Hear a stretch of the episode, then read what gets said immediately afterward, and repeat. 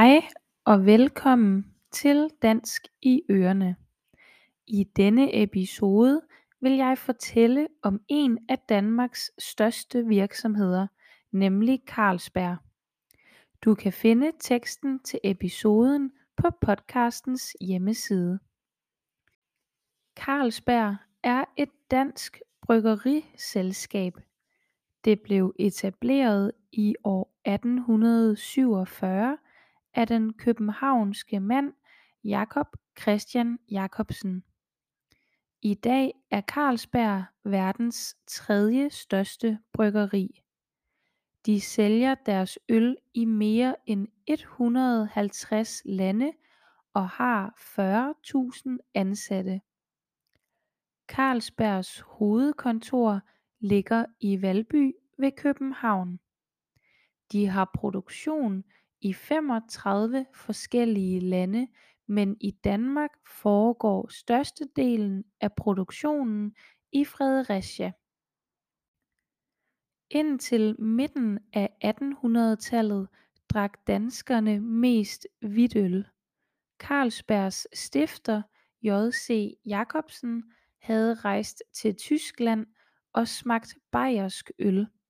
Han blev så begejstret for den bayerske øl, at han besluttede sig for at starte sit eget bryggeri.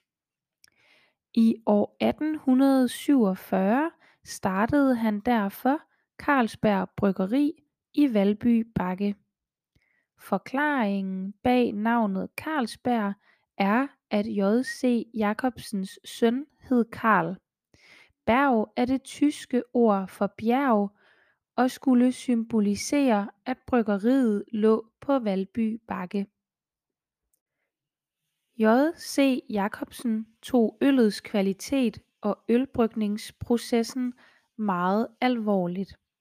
Derfor oprettede han også et laboratorium der forskede i øl og gæringsprocesser.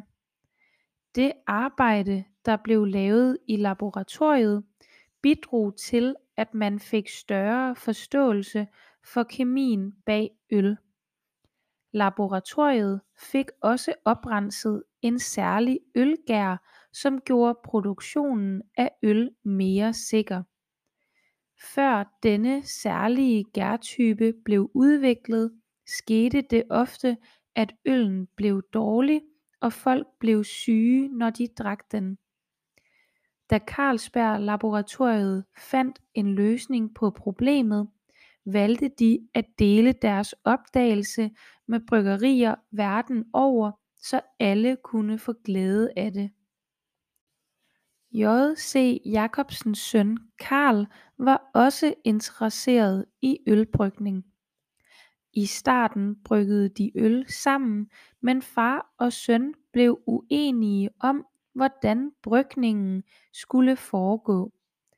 Derfor byggede Karl sit eget bryggeri lige ved siden af farens oprindelige Carlsberg Bryggeri.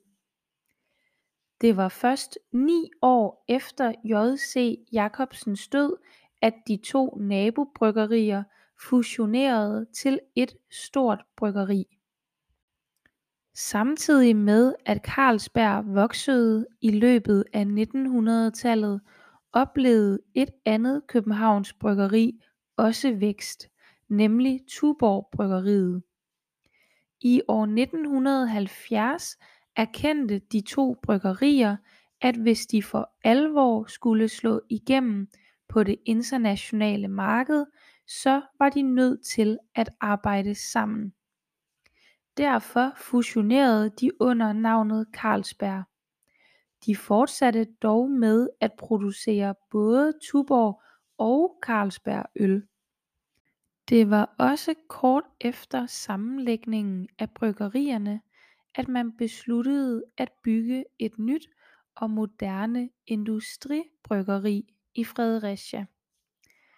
Siden sammenlægningen har Carlsberg flere gange opkøbt andre bryggerier både danske og udenlandske.